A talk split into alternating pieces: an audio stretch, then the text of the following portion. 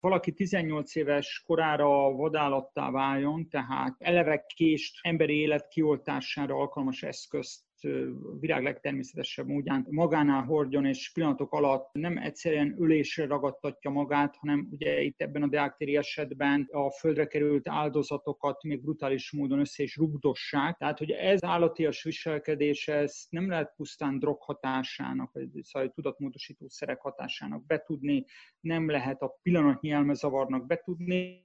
ennek nyilvánvalóan hosszas előzménye van az elkövetők máson egy gyerekkorából adó.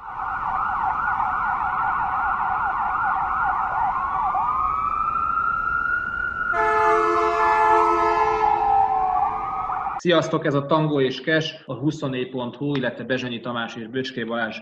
bűnügyi podcastja. Mai alkalom rendkívüli vendégünk van még például Schiffer András jogász, Engem meg András, hogy téged köszöntsük, szervusz! Sziasztok! Három olyan esemény volt, amely az elmúlt időszakban állammal, a rendőrséggel vagy éppenséggel bűntársadalommal kapcsolatosan mozgásban tartja, hangulatban tartja a magyar közösségi médiát is. Ebből mondjuk az egyik az egy globálisabb esemény, utalok arra, hogy az amerikai lázongások, illetve a rendőri túlkapásból fakadó társadalmi konfliktusok nyilván globális jelleget töltenek azáltal, hogy globálisan kerülnek terítékre, bemutatásra. Biciklis nő a rendőr konfliktusa, majd pedig a Deák Ferenc téri turkálás, illetve halálesetek azonban a magyar közösség médiának a, a fő témái váltak, és szerintem mi lesznek a következő időszakban. Kezdjük a biciklis nő, illetve a rendőre esetében. Egy ismerősök kiposztolta egy vasárnap délután a magát a kommentelését, egy olyan jó 340 kommentet hozott magának a saját oldalára. Mit gondoltok, miért van az? Ezek az esetek újra és újra a vitát váltanak ki. Nyilván fakad ez abból, hogy a rendőri fellépésből, hanghordozásból előjönnek azok az érzékenységek, szerint így kell-e vajon valóban a szabálysértővel szemben feljárni. Egyik oldalon, a másik oldalon meg állnak azok, akik azt mondják, hogy a szabálysértés elkövetésekor és az engedelmesség, az államnak engedelmesség megtagadása esetén egy rendőrnek nincsen mérlegelési helye. Nyilván egy kriminológus, Tamás vagy egy jogász, mint András más-más olvasatát adják akár egy, egy ilyen eseménynek. Mi a véleményetek a diskurzusokról, meg hát ebből az egész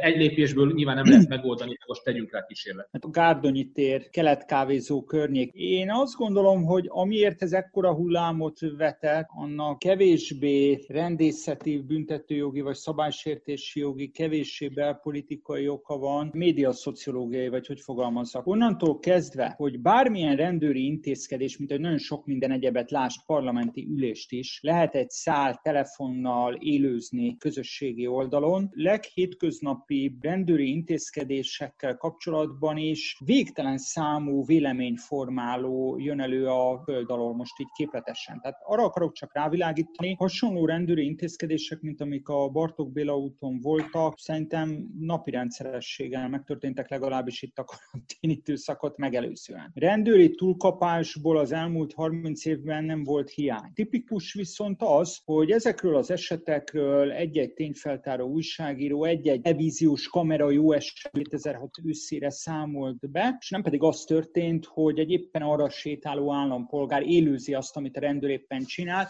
Ráadásul úgy, minden rossz szándék nélkül, egész egyszerűen nincsen abban a helyzetben, hogy a rendőri intézkedés előzményét is rögzítse. Innentől kezdve viszont a közösségi médiában teljesen félreviszi a diskurzus. Tehát én arra szeretnék csak rávilágítani, hogy itt valójában nem rendőrségről, nem büntetőjogról, vagy közlekedési szabálysértésekről van szó, még csak nem is feltétlenül belpolitikáról, hanem hogy a nyilvánosságnak van már egy, egy sokadik szerkezetváltása itt hm. a, az elmúlt fél évszázadban, onnantól kezdve, hogy gyakorlatilag a közösségi oldal az hatékonyabb média, mint jó néhány magát még mindig nagyra tartó napilap, megkockáztatom televíziós politikai műsor. Innentől kezdve van egy nagyon lényeges gátszakadás. Arra próbálok csak rávilágítani, hogy a hagyományos sajtónál, tehát akár egy portál, egy televíziós csatorna, egy napilap esetében a világ legszabadabb sajtója, nem tudom, hogy hol van, de szóval ahol van, ott is az újságíróban van szakmai hivatásbéli fegyelem. Ezt nem tudom jobban megfogalmazni. Svéd sajtó gondolom rettenetesen szabad, ott is mielőtt valami adásba megy, vagy élesítik portálon, vagy nyomtatásba kerül,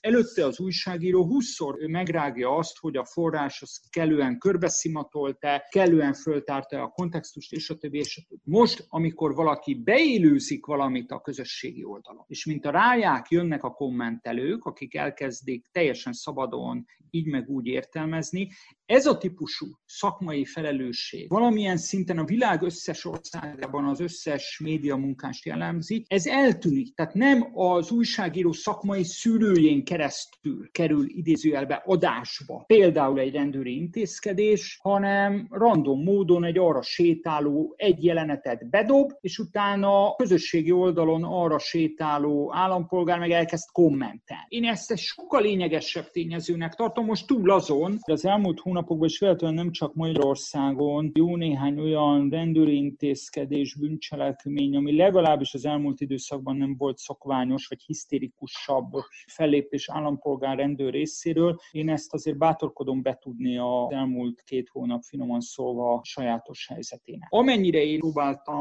tájékozódni, abból nekem az jött le, hogy a, a rendőrség feltehetően nagyjából szabályosan járt el. Az örökzöld téma, amivel viszont mindig jogosan lehet azért számon kérni a rendőrséget. 94 évi 34-es törvénynek 25 éve egy állandó problémája, tehát a rendőrségi törvénynek, hogy az arányosság követelményének mikor, mennyiben felel meg egy intézkedő rendőr. Tehát arra gondolok, ha például valaki ellenszegül, mint amire ebben a Bartók Béla úti esetben, akkor a testi kényszer alkalmazása az természetesen arányos. Ebben az esetben is lehet azért piszkálgatni a rendőr eljárását, hogy a rákiáltás, teátrális felfektetése a rendőrautónak a motorház tetejére, ez mennyiben volt szükséges és arányos intézkedés. Nem láttuk ugye azt, hogy valójában meg akkora fizikai ellenerőt fejtett ki a hölgy, amit le kellett törni a rendőrnek, de mondom, itt valóban van egy olyan zóna, amit így most a jelenetnek nem a teljes egészét követve nehéz elbírálnunk, hogy a, ott a kiabálás, hátracsavarás, motorháztetőre fektetés, oké, okay, hogy testi kényszert kellett alkalmazni, de az a konkrét szituációban mennyiben volt arányos. De még egyszer kénytelen vagyok azért arra visszatérni, hogyha 10 évvel ezelőtt vagy 20 évvel ezelőtt történik egy hasonló sztori. Mielőtt cikk születne, vagy bármilyen műsor születne egy televíziós csatornán, 20 évvel ezelőtt, mondom még egyszer, bármilyen politikai beállítottságú és bármilyen érdeklődésű újságíró, aki éppen tanulja egy ilyen igazoltatásnak. Megengedem, hogy lehet, hogy az a történet vége akár egy portálról, akár egy tévécsatornáról, vagy egy politiklapról, vagy bulvárlapról beszélünk, hogy a végén úgy dönt az újságíró, hogy valójában a sztori nem sztori. Én azt gondolom, hogy 20 évvel ezelőtt, 2000-ben könnyen lehet, hogyha ott van egy újságíró, egyszerűen nincs sztori az ügyből, azzal együtt, hogy az arányosság megtartás az 94 óta folyamatosan probléma, illetve nehezen megy az eljáró rendőröknek, és persze az egész helyzetnek a megtekintése nélkül nélkül nehéz azért ítéletet mondani, hogy a rendőr mennyiben arányos. Megütötte a fülemet, amit mondtál, ez az arányosság megtartása, erre akarok utalni, mert értem azt a nyilvánosság szerkezetváltására vonatkozó megjegyzésedet, túl azon, hogy a hírszolgáltatás idézőbe használva a hírt is privatizálódott a szónak abban az értelemben, hogy ugye kikerülik az egykori kapuőröket, és így vagy úgy, de ez a videó valamilyen formában megjelent volna, akár csak egy Facebookra feltöltő dologból. Ezt csak azért mondom, hogy így vagy úgy, de reakciók vált látott volna ki függetlenül, hogy átveszi a szeriős sajtó, vagy pedig nem veszi át. De mégis megtörténik ez az eset, elindul a diskurzus, úgy érzik a kommentelők, hogy valahova állni kell. De ugye mit láttuk a legkielezettebb felvételen, az az, hogy a nő kéri, hogy a kezét most már ne csavarják ki, érti a helyzetet, akkor azt mondjuk, hogy arányosság megtartása, itt ezt a fogalmat fel kell öltöztetni, nyilván másképp fogja látni Tamás, meg akkor másképp mondott te, de egy picit még definiáljuk ezt az arányosság megtartását egy ilyen helyzetben hogyan is kéne lefordítanunk? Hogy az intézkedés alá von személy, és ráadásul azért azt hangsúlyozunk, hogy nem egy bűncselekményről van szó, hanem szabálysértésről, hogy az eljárás alá von személy nem kíván ellenállni, aláreti magát a rendőri intézkedésnek, akkor vélhetően a további testi kényszer alkalmazása, tehát például a kavargatása a kezének konkrétan, hogy arra a jelenetre utalják, az szükségtelen és ezért aránytalan reakció is az eljáró rendőr részéről, ezt azért úgy meg tudom engedni. Korábban fizikailag ellenszegülő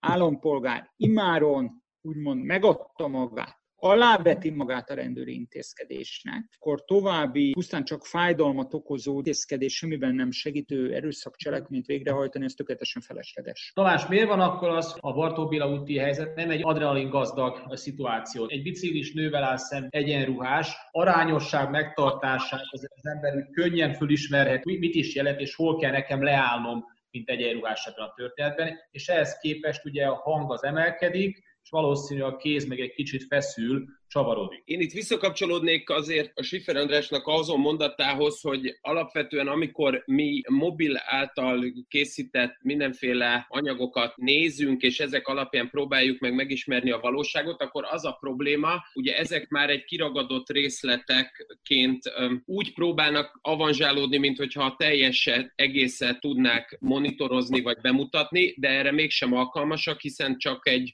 egy nagyon kis szegmensét mutatják be a teljes intézkedésnek. Na most a hölgy a Bertala Lajos utcából az ott egyébként lévő piros lámpánál nem állt meg, hanem kikanyarodott balra nagyívben a Bartók Béla útra, egy olyan többsávos útra, ahol egyébként nem csak a 47-es villamos közlekedik, hanem több sávban autók is. Amikor azt a piros lámpánál való továbbhaladását a rendőrök jelezték neki, és megállásra próbálták meg felszólítani, akkor ennek ellenállt. Az ellenállás az nem abban állt, és nem abban öltött testet, hogy agresszíven, mint egy ír vezérszurkoló, vagy az a leszarom státusz azért fontos, mert megteremti annak a problematikáját, hogyha valaki nem vesz tudomást a hatóság intézkedéséről, azonban amennyiben a hatóság elkezdi macskaegér játékszerűen, ilyen Looney szerűen üldözni, akkor ez persze felnyomja a vérnyomását az egyébként eljáró rendőröknek. Húzus, hogy nincs olyan helyzet, amikor egy biciklis nővel, nem gender kérdés, egy nővel szemben is ez a helyzet, ez előállítható, egyszerűen más izomzatok állnak egymással szembe, olyan helyzet nincs, hogy annyira felstúfolódjak, hogy mire odaérek a helyzetbe. A rendőrök érvelése szerint, és ezért is próbáltam belekapaszkodni az Andrásnak a, a korábbi mondatába, azért, mert hogy itt igazából én nem kívánnék igazságot tenni, és nem is az a cél, hanem csak egyszerűen azt próbálom jelezni. Van egy olyan rendőri érvelésmód, itt igazából a hölgy nem csak, hogy nem állt meg, hanem akkor, amikor megállásra kényszerítették, akkor ő tovább lépett, illetve amikor először megpróbálták vele fölvenni ha tetszik a kontaktust, akkor nem volt hajlandó bemondani sem a nevét, illetve az is felmerült ugye, hogy hamis adatokat próbált szolgáltatni, bár ez később legendának bizonyult, az volt, hogy ő konkrétan a, a bicikliével kimozgott a rendőrautó környékéről, miközben a rendőrautó próbálta a szirénázással és azzal, hogy kollégák lógtak ki az anyósülésről, és próbálták jelezni, hogy álljon meg. Nem nagyon érdekli, hogy amúgy a hatóságnak az ott éppen eljárni szándékozó tagjai mit csinálnak. Egyébként én ennek értem azt a vonatkozását, hogy az a fajta testi erőszak az nem indokolt, hogy amíg be nem rakták amúgy a, a csikos autóba, addig a hölgy nem volt hajlandó semmilyen információt mondani, de felvetném azt a problémát, hogy pont a 2006-os tömegtüntetéseknek a, a vége felé 2007. március 15-i ügyben volt az, hogy az Andrási úton a tüntetők közül voltak olyanok, akik a rendőröket megdobálták, majd aztán elszaladtak. Na most ugye az a kérdés, hogy akkor, amikor valaki az Andrási úton az operárnál leszedi a műanyag kukákat, fölgyújtja azokat, és égve neki dobja a rendőröknek, majd amikor a rendőrök ezekkel a plexi vérpajzsokkal elkezdenek futni feléjük, akkor elszalad, akkor ezzel megteremt egy olyan macskaegér játékot, amiben jogszabályi kötelezettsége van a hatóság tagjainak, csak mindig az a probléma fog felmerülni, én azt gondolom, évtizedek óta jelenik meg, hogy amíg felügyelő tiszt, aki kivizsgálja egy fegyverhasználat kapcsán az intézkedést, vagy a parancsnok kivizsgálja a kényszerítő eszközök alkalmazását, addig adnak a kivizsgálásához rendelkezésre áll a parancsnoknak, vagy adott esetben egyébként egy belsős tisztnek több nap, addig ott az intézkedő rendőrnek pillanatokra van erre lehetősége, pláne, hogy egy felfokozott helyzetben van. Mert hogy a rendőri érvelés szerint ott a kézcsavargatás az konkrétan azért történt, mert folyamatosan a nő obszén szavak kíséretében és mindenfajta kézmozgásokkal, meg a viselkedésével ki akarta vonni magát az igazoltatás, és egyáltalán az András által is említett eljárásnak a megindulásából, vagy az alól a rendőrök ezért reagáltak ekép. Világos a pozíciók fölálltak. Van egy, nem olyan rég találtam egy jelenetet, amiben a Rapid Wien szurkolók megzavarják az aktuális mérkőzését a csapatnak. Elég komoly brigáddal a harmadik kapott gól után elindulnak a játéktér felé kifejezvén a védelemmel kapcsolatos véleményüket, és nagyon sokáig tűrik a rendőrök, egészen bejönnek a pályának a közepéig, amikor aztán a stadionnak a másik részéből elindulnak a páncélozottak, tolják vissza, ennek megfelelően a szurkolók húzódnak is vissza, szájkaratét vesz föl a pozíció, és van egy pont, egy közeli kép ebbe a 8 perces összefoglalóba, ez egy élő kapcsolás volt, amikor is elindul egyik szurkolónak a keze, látszik, hogy oda akar csapni a rendőrnek, és abban a pillanatban hárman ugornak rá, társai közül, akik ezt megakadályozzák és húzzák a srácot. Miért mondom ezt el? Ugye elég gyakorta látjuk az azt, hogy áll a rendőrsorfal előtt egy tüntető, tiltakozó, vagy éppenséggel mondjuk a rendőri intézkedéssel szemben ellenvéleményt megfogalmazó, és onnantól kezdve üt,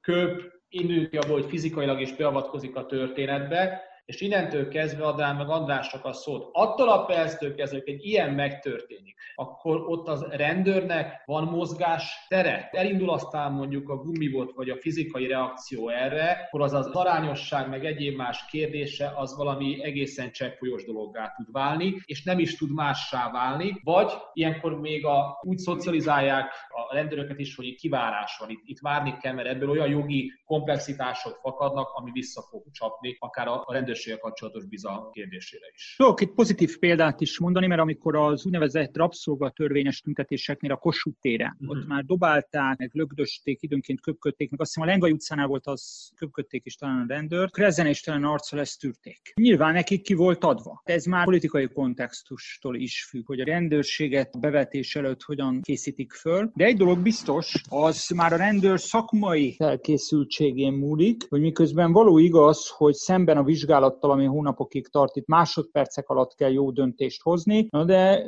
ez a trükkje annak a szakmának, föl kell mérni a pusztán köpködésről, dobálózásról van szó, de nem fenyegeti mondjuk a rendőr életét veszély, és a többi, és a többi, akkor azt gondolom, például a gumilövedék használata az nyilvánvalóan aránytalan, hogy most egy szélső példát mondjak. Konkrét esetben pedig a fordulópont az, amikor a élőzés jóvoltából mindannyian tanulni vagyunk annak, hogy az intézkedés alá van személy tanújelét adja annak, hogy ez már csak a sanyargatásról szól, és már nem kíván kifejteni fizikai ellenállás. Mert amire én akartam utalni, a, ez a rapidos videó, az annyival sajátos, hogy pont véletlenül, vagy nem véletlenül, ezt nem én ülök a, a vezérlőben, megy rá a kamerára, vagy erre a jelenetre, amikor elindul a, a srác a rendőr felé, és látszik, hogy mozdul a keze, és úgy ugrik rá a három társa, mint hogyha azokba ben lenne, hogyha oda te most oda csapsz, akkor lehet, hogy nem nek vissza, de az állam ellen, valami normarendszer ellen támadsz, ami, amire szemben mi már nem tudunk megvédeni. Én alapvetően azt gondolom, hogy mind a két példa, amit hoztok, abból a szempontból sántít, hogy a, a, amit a Balázs mond, vagy amit Poci példaként hozol, az valóban egy komoly testi erőszak, ahol egyébként ez a típusú szükségszerű, arányos hatósági fellépés, tehát lényegében az erőszak monopóliumnak ez a típusú alkalmazása az indokolt. Ugye nyilván a, a gumilövedékes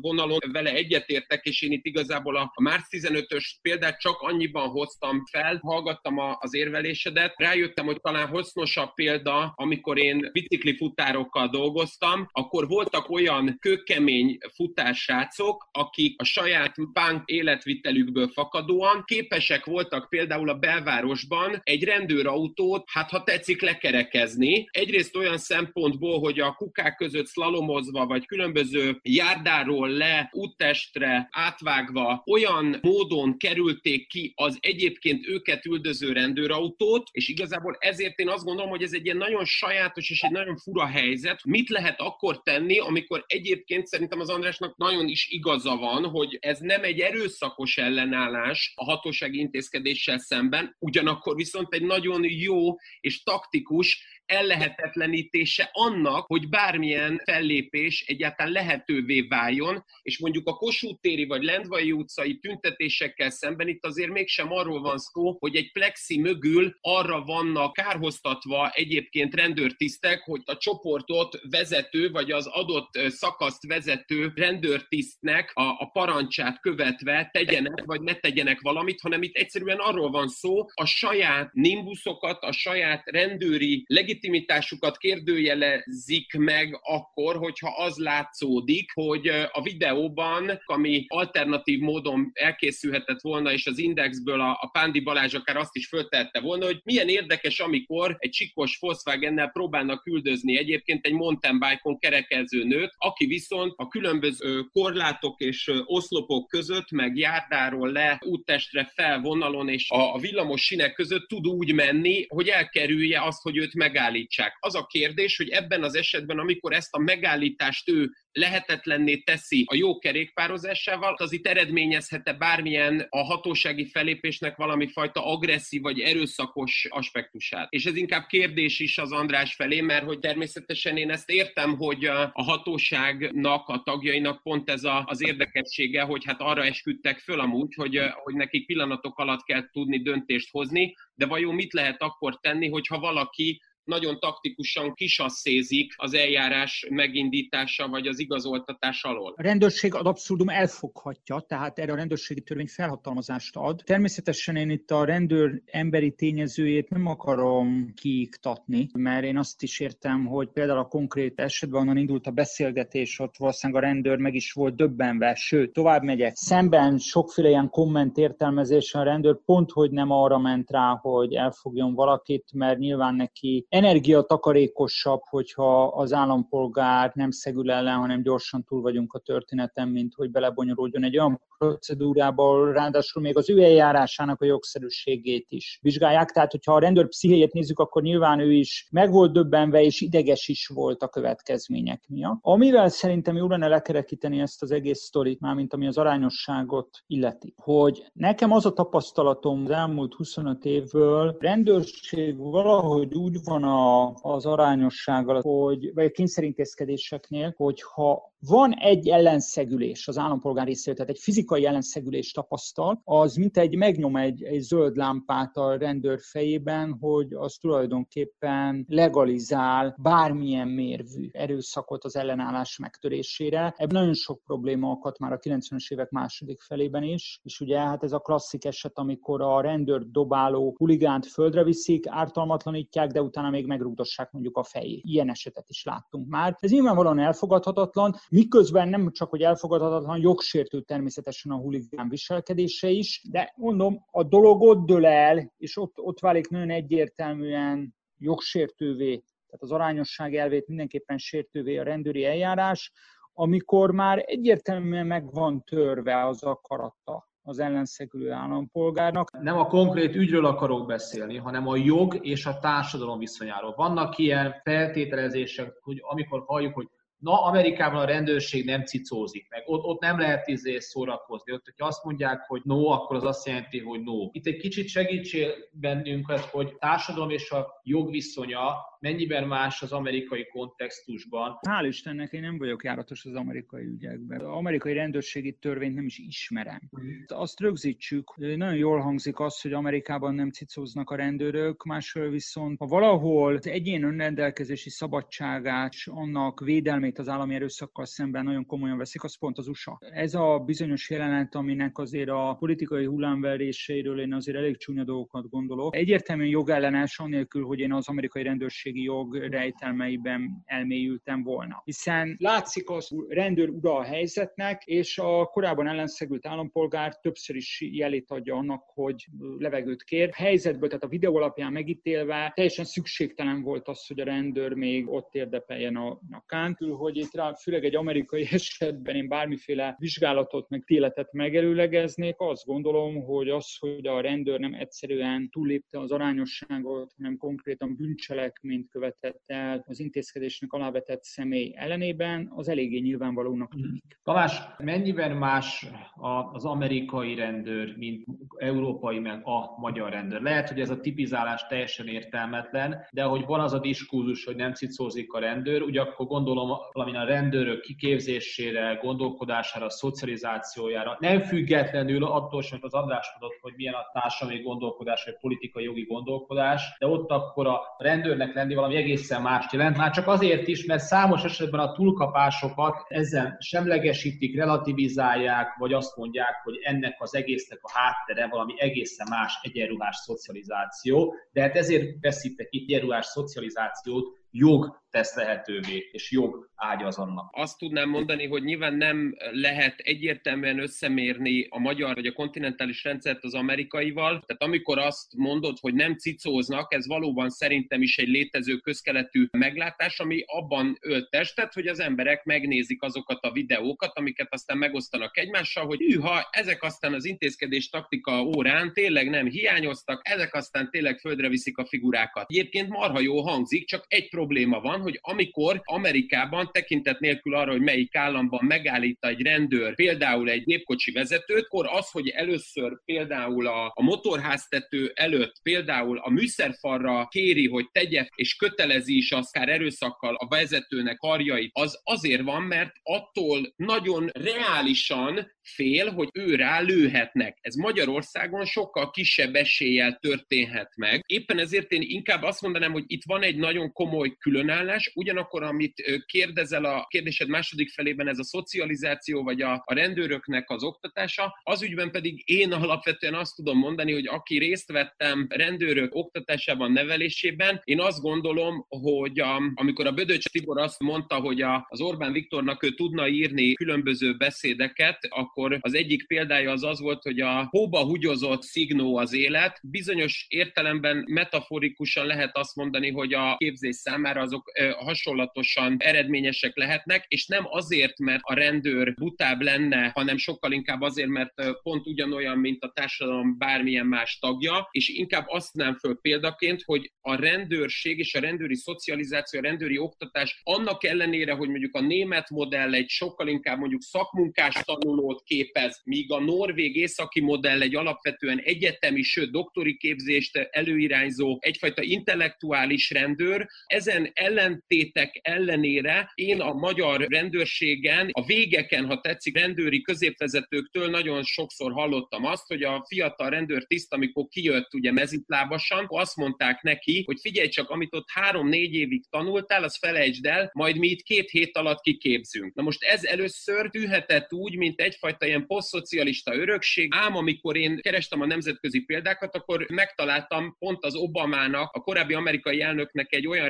rendőrségi reformjára, egy olyan rendőri vezetőnek a reakcióját, aki pontosan ugyanezt a mondatot is úgy írta le, hogy ezt egyébként ott az államokban előszeretettel alkalmazzák. És egyébként a Finster Gézától kezdve nagyon sok rendőrszociológiával is foglalkozó kutatóik bezárólag többen megállapítják, hogy alapvetően a rendőrség szervezete egy nagyon konzervatív, nehezen mozgó, nehezen változó, az éppen aktuális tendenciáknak, elvárásokra lassan ráforduló tervezeti monstrum, és éppen ezért a szocializációban, a, a nevelésben én azt gondolom, hogy nem elsősorban az döntő, hogy, hogy milyen ország és milyen egyértelműen kultúrkör van, az a, az a döntő, hogy milyen félelmeket tud megteremteni az állampolgárokkal való és együttműködés a rendőrökben, és az, amit az András mond, hogy eh, ha az állampolgárral szembeni intézkedés során a rendőr tapasztal egy ellenállást, azt kell, hogy mondjam, én is ezt láttam. Ez egy olyan önsúly, ami onnantól kezdve húzza le, gravitálja az egész eljárást a későbbiekben, és megalapoz annak, hogy onnantól kezdve már eh, egy feszültebb és rosszabb kommunikációt teremtsen meg. Éppen ezért én azt gondolom, hogy noha tényleg eltérőek ezek a kulturális hátterű hatósági munkák, de mégis van bennük egy nagyon komoly univerzálé, az pedig az, hogy a rendőr mindenhol rendőr. És ez olyan értelemben mondom, hogy tényleg ezek a kérdések, hogy ez egy egyébként egy szakipari munka, azt a végeken a hatósági munka napszámosai és középvezetői folyamatosan így interpretálják. Teljesen mindegy, hogy norvég modellen vagy német modellen nevelünk rendőrtiszteket, akkor, hogyha egyébként kizavarjuk őket a vérzivatarba, akkor ugyanolyan középvezetők alatt fognak nyomás alatt pálmaként vagy növekedni, vagy beszorulni. Ezzel akkor azt is mondod, hogy amit az András mondott, hogy értjük ezt a feszültséget, de hát ennek a szakmának ez a velejárója, itt erről szól a történet, hogy az ilyen szempontok éles adrenalin helyzeteknek való megfelelésnek erre kell készülni. Akkor erre azt is mondott Tamás, ez így jól hangzik elsőre, csak hát ott azért a harcmezőnék ezek, ahogy a Paksi Endre mondaná, ezek emberi dolgok. Annyira emberi dolgok, hogy Paksi Endrét, ha már megidézve mondjuk, akkor egy idő után kiderül az, hogy a, hatósági munkának ez a fajta abszurditása és a Paksi Endre Debreceni koncertjének a nehézen artikulálható ködéséhez hasonlatos az, ahogy adott esetben a, a rendőri működést is lehet szimbolizálni, országtól függetlenül, mert alapvetően szeretünk úgy tekinteni a rendőrségre, mintha a CSI-t néznénk amúgy a Film Pluszon, noha egyébként ez Európában csehszlovák vígjátékra hasonlít, és ebben a szempontból egyébként a kelet-európai rendőrségek sajnos ennek mintapéldányai.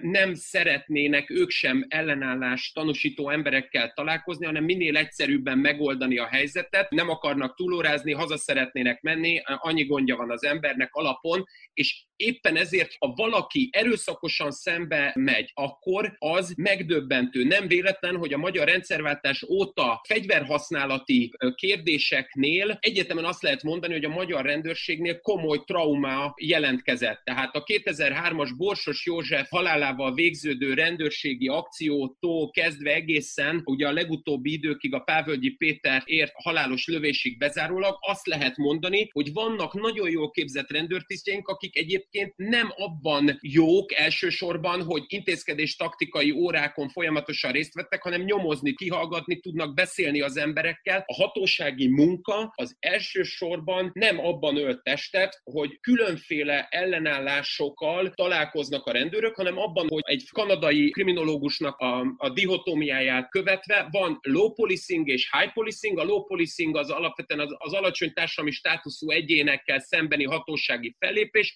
a high policing meg olyan ügyek, amelyek komoly kérdéseket és politikai vitákat kavarhatnak, és a low policing esetén egyszerűen annyi történik, hogy KRS srácok pilotkában elkísérik az egyébként biofű hatása alatt teljes mértékben kába fickót a Szent László kórházba megpisiltetni, majd aztán visszaviszik a kapitányságra, és ugyanott a panasziroda mellett leültetik, kérdezik, hogy van-e aprója valakinek, mert a kávéautomatából nem tudnak egy eszpresszót csinálni. Ebben az van, hogy nincsenek ilyen éles helyzetek, nincs rákényszerítve a hatóság arra, hogy ebben nagyon komoly oktatási feladatokat végezzen, és alapvetően nem is ez zajlik. Magyarországon is láttunk azért a rendszerváltás óta példát arra, hogy cigány emberekkel szemben a rendőr egész egyszerűen másként lép fel mint a nem cigányjal szemben. De az, ami az elmúlt napokban történt, azért az ezen túl megy. Miközben én legalábbis a videófelvételen arra közvetlen nyomot nem láttam, hogy faindítéka lett volna az elkövető rendőrnek, tehát azért érdepelt volna rá a nyakára az áldozatnak, mert hogy színesbőrű, viszont hát a történet régen nem erről szól. Tehát akkor, amikor fosztogatások vannak, akkor, amikor egy fekete rendőrtisztet megölnek, vargók, senki nem mondja már azt nekem, hogy ez pusztán a feketék elnyomásáról, meg a munkások kizsákmányolásáról szól. Szóval szerintem itt nagyon félrement a diskurzus. Az azonnali jelen, megjelenő írásodban, amelynek ugye a címe egészen pontosan az, hogy a szurkolók nem nácik, a cigányok nem bűnözők, abban a Deák Ferenc téri eset kapcsán halálok kapcsán kialakult diskurzusokra is reagálsz, és csillapítod a kedélyeket, amikor úgy fogalmazol, hogy nem új jogszabályokra van tehát szükség, hanem a jelenlegiek, például garázdasság, a kiskorúak veszélyeztetése, törvényi tényállása, továbbá a gyermekvédelmi törvény következetes érvényesítésére. Legyen az tiszta a hallgatóknak, hogy mi, mi az, hogy miért nem érvényesülnek ezek következetesen, és ezek miért akkor alkalmasak arra, hogy az olyan típusú konfliktusokat, meg eseteket, még nem is használok már más főnevet arra, ami ott történt, hogy annak kapcsán elgondolható, kezelhetővé váljon. Én a cikkben arra utaltam, hogy az, hogy valaki 18 éves korára vadállattá váljon, tehát eleve kést emberi élet kioltására alkalmas eszközt virág legtermészetesebb módján magánál hordjon, és pillanatok alatt nem egyszerűen ülésre ragadtatja magát, hanem ugye itt ebben a deaktéri esetben a földre került áldozatokat még brutális módon össze is rugdossák. Tehát, hogy ez állatias viselkedés, ez nem lehet pusztán drog hatásának, vagy szóval tudatmódosító szerek hatásának betudni, nem lehet a pillanatnyi elmezavarnak betudni, ennek nyilvánvalóan hosszas előzménye van az elkövetők máson egy gyerekkorából adó. Arra szerettem volna utalni, hogyha lenne persze egyrészt elég járőr, bár a konkrét eset vélhetőnek ott sem lett volna megelőzhető, de hogyha a gyökerekhez ásunk, és azt látjuk, hogy egyrészt helyben, tehát az utcai szolgálatok teljesítő rendőri állomány is fel van töltve, ma sajnos nem ez a helyzet. Másfelől pedig a gyermekvédelmi intézményrendszer nincsen kivéreztetve, ellenben olyan szolgáltatások, olyan jelzőrendszer működik, olyan gyermekvédelmi intézmények vannak, ahol tisztességgel el lehet látni például olyan gyerekeket, akiket ki kell emelni a családi környezetből, akkor én azt gondolom, hogy hosszú távon nagyon sok tragikus esetet meg lehet előzni. Tehát egy hm. tévedés azt gondolni, hogy amikor egy gyilkossággal vagy más súlyos bűncselekménnyel találkozunk, az pusztán büntetőjogi vagy rendészeti kérdés. A, a bűnözés hm. maga is egy társadalmi jelenség, tehát az, hogy bizonyos nagyon súlyos, kirívó normaszegések tipikussá válnak, annak társadalompolitikai okai vannak. Ő magában a büntető törvénykönyvnek a szigorításával fogunk eredményt elérni a rendőri állomány feltöltése és a rendőri ezzel összefüggésben, vagy ezt megelőzően ugye a rendőri illetményeknek a rendezése nyilván nem lenne rossz dolog. Önmagában ez még csak nem is a rendőrségem volt. Fölidézek egy olyan esetet is, amikor egész jól tetten érhető ez a januári óbudai tűz esete, hogy egész egyszerűen nem működik a gyermekvédelmi jelzőrendszer. Tehát illegálisan oda költöznek, kisgyerekekkel, a védőnő nem is tud róla, hogy ott, ott csecsemők is laknak embertelen és életveszélyes körülmények között. Kezdem ott, hogy ha kellően föl lenne vértezve az egész szociális gyermekvédelmi ellátórendszer, működne a jelzőrendszer, akkor nem jutunk el oda, hogy fenyegetik a szomszédokat, főleg nem jutunk el oda, hogy egy tűzvész az majdnem ember áldozatot követel, ugye? És tisztes családoknak a házuk, lakásuk oda lesz. Tehát én csak arra próbáltam utalni ebben a cikkben, hogy én azt gondolom, hogy a megfelelő törvényi eszközrendszer rendelkezésre áll. Ami nem áll rendelkezésre, az a szociális ellátórendszer, és az elmúlt tíz évnek a legnagyobb vesztese az még csak nem is az egészségügy meg az oktatás, hanem a szociális ellátórendszer. Itt hm. érez a kormányzat, itt érzi a legkisebb ellenállást a kormányzat. Úgy gondolja, hogy a családvédelmi intézkedésekkel és a család, mint toposz, politikai toposszal ki lehet pipálni munkalapú társadalomban a, a, a, a szociálpolitikát, mint olyat. Az oktatásnál, egészségügynél azért időről időre vannak olyan társadalmi tiltakozások, amik egy erre érzékeny kormányzati filozófiát valamilyen korrekcióra kényszerítenek a, a szociális rendszer, gyermekvédelmi rendszer részéről semmi nem érzékel a kormány, és amikor történik egy ilyen brutális, szinte gyerekek között elkövetett bűncselekmény, hiszen az egyik éppen 18-on innen, a másik éppen 18-on túl, akkor is ugye a hatalmi reakció az, az, az, az egyrészt büntetőjogi rendészeti, illetve esetleg a egyéb szankcióknak a belengetése, ugye itt, hogyha valakinek a gyerekét elítélik, akkor a családi pótlékot megvonják. Probléma gyökeréig ezzel nem hatol le a jogalkotó. Illetve nem is a jogalkotó, bocsánat. A probléma gyökeréig a kormányzat, egy felelős kormány nem hatol le, hogyha ilyen esetekre pusztán szigorítással kíván reagálni, amikor nyilvánvalóan arról van szó, hogy kellően szigorú büntetőjogi eszközök, sőt gyermekvédelmi szankciós eszközök rendelkezésre állnak, csak nincs, aki ezeket érvényesítse. A sajtótájékoztató alkalmával a Deák Ferenc eset kapcsán elhangzott a, nem tudom most besorolását, a rangsorolását a, a, a beszélőnek, hogy ilyen jellegű, ilyen brutális jellegű elkövetéssel rég van a pályán, de nem találkozott. Egyik oldal ott van a brutális jellegű, és utána, amit most az András mondott, hogy szinte majd, hogy nem gyerekekről kell, hogy beszéljünk. A rendőrség az ilyen helyzetekre megelőzés, felkészülés érzékeli azt, amiről beszélt itt az imént Sipper András, hogy hogy van egy szociális válság, és egyszerűen bár a rendőrség mégiscsak van egy olyan feladatköre,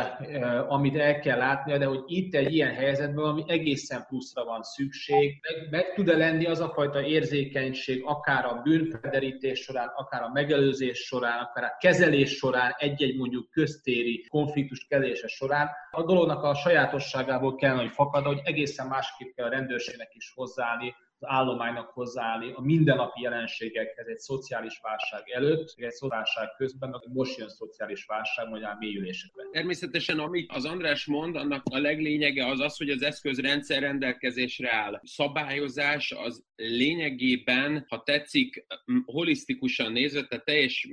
le tudja fedni, és alkalmas arra, hogy egyébként ezen problémákat kezelni tudja, hiszen ezek a problémák nem új keletűek, hanem egyébként folyamatosan felhány torgatja a modern nemzetállamoknak sajnos a többsége. Én azt gondolom, hogy ahogy egyébként az eszközrendszer rendelkezésre áll, és nem új szabályozásokat kell létrehozni, amire egyébként általában mindig nagyobb törekvés van, mert a, a szervezeti memória az lényegében egy aranyhaléval vetetkezik. Tehát akkor, amikor gyermekvédelmi jelzőrendszerről beszélünk, vagy arról, hogy a rendőrség hogyan működik, hogyan próbál meg a rendőrségi törvényben is szereplő megelőzésre fókuszt helyezni, akkor én nem tudok mást mondani, mint azt, hogy kiskorú veszélyeztetése, illetve kiskorúak sérelmére történt szexuális abúzusos ügyekben a nyomozás valamilyen módon végigkövette valaki, akkor megdöbbentő mértékben látja azt, hogy nem alkalmas, illetve nem feltételezi, nem teszi lehetővé önmagában a hatékonyságot, vagy a leterheltség miatt, nyilván ezt maguk a, a szervezetben dolgozók mondják, általában hatékonyság gazdasági szakértők pedig a financiális hátteret és a, az eszközöknek, a, és ebben az esetben az infrastruktúrához, a, egyáltalán a, a képzéshez, oktatáshoz és a, a szervezeti fejlesztéshez fűződő lehetőségeket, jövőbeni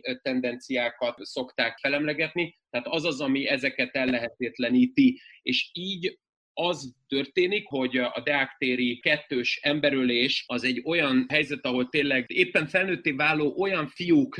esnek egymásnak látszólag, de valójában egyébként a, az elkövető vagy félelmében, vagy erőszakos kivetülésében megpróbálja lerendezni ezt a konfliktust. Ez egy olyan jéghegy, amire így már kényszerűen reagálni próbálunk, és ezért is hoztam föl egyébként, bár tudom, hogy, hogy lehet ezt akár félreérteni is, a rendőri működés kapcsán a, a Borsos József és a Pálvölgyi Péter esetét nem azért, mint hogyha az összehasonlítható lenne a Bartók Béla úti vagy akár az amerikai a George Floyd esetével, hanem csak egyszerűen azért, mert azok az ügyek is olyan jéghegy csúcsok, amik igazából megdöbbentik a hatóságot is, és sajnos a szervezetet is azzal kapcsolatban, hogy valami nagyon komoly diszfunkció van. A Deák téri kettős ölés az egyébként azért fontos szerintem, mert nem lehet benne értelmet találni. El lehet mondani nagy makro szempontból azt, hogy maga a nemzetállam hol hasalt el abban, hogy ezeket a feltételeket nem tette lehetővé, ami egy ilyen ügynek az elkerülését irányozná elő, de alapvetően egy picit az amerikai példát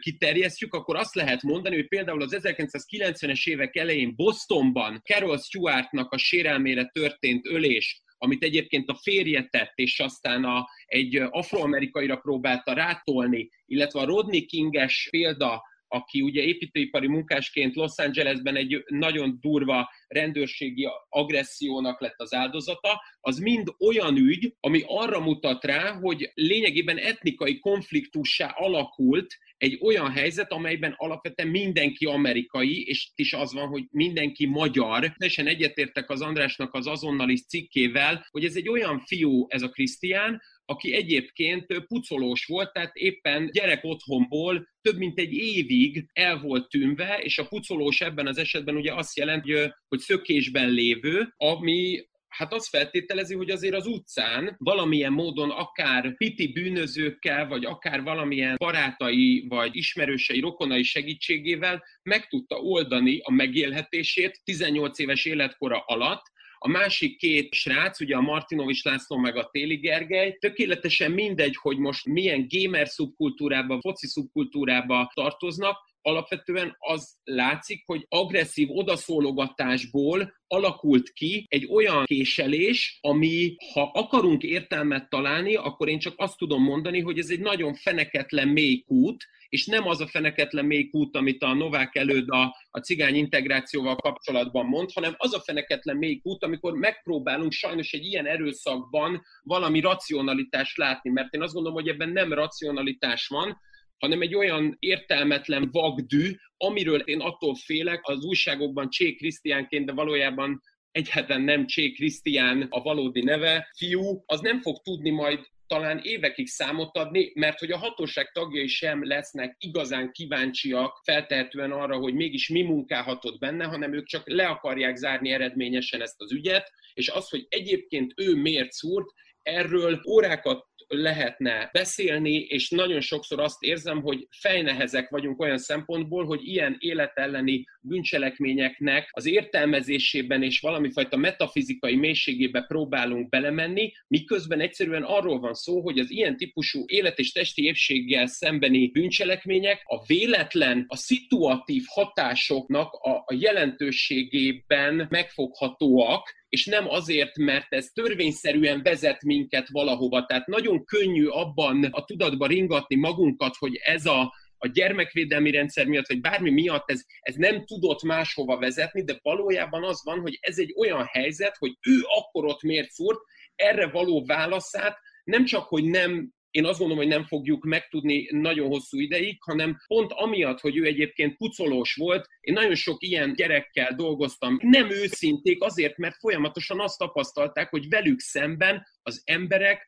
vagy bizalmatlanok, vagy erőszakosak, vagy valamit akarnak tőlük. És az, hogy ő most félte, vagy meg akart-e felelni valakinek, fogunk tudni választ találni rá, és lényegében az történik szerintem, hogy egy olyan ügy kapcsán, mint ez, aminek nincs a, szónak abban az értelmében értelme, hogy az elkövetőhöz kapcsolódóan nem tudunk egyértelműen az ő intencióiból építkezően bármilyen magyarázatot találni, egyszerűen csak arra alkalmas, hogy egyfajta ilyen kritikai marxista alapon azt tudatosítsuk, hogy ő ugyan egyébként még nem ismerte föl saját deviáns vagy akár saját osztályhelyzetét, de mégis annak megfelelően tevékenykedett, és így igazából a rendszer tegyük felelőssé tettér, noha egyébként a rendszer alapvetően éppen azért felelős, mert nem csak Magyarországon, és nem csak Kelet-Európában, hanem alapvetően én azt gondolom, hogy a legtöbb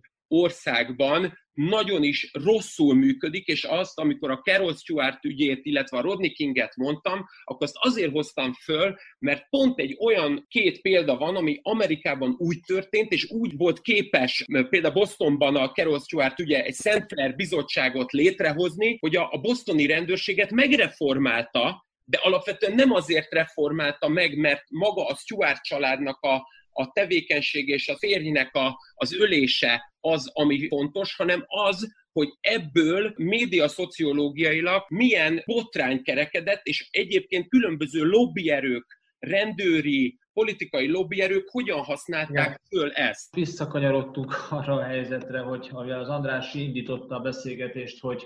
hogyan vihetnek félre reprezentációk adott esetben megítéléseket, vagy éppességgel mennyi munkát kell vele tenni azt, hogy visszajöjjenek abba a vita keretbe, amiben éppenséggel szükségszerű, hogy ezek zajlódjanak. Most talán egy kicsit ilyen optimista kicsengést adtál ugye a végére arra vonatkozólag, hogy, hogy ezek a interpretációk, meg reprezentációs logikák néha még intézményi reformokhoz is elvezethetnek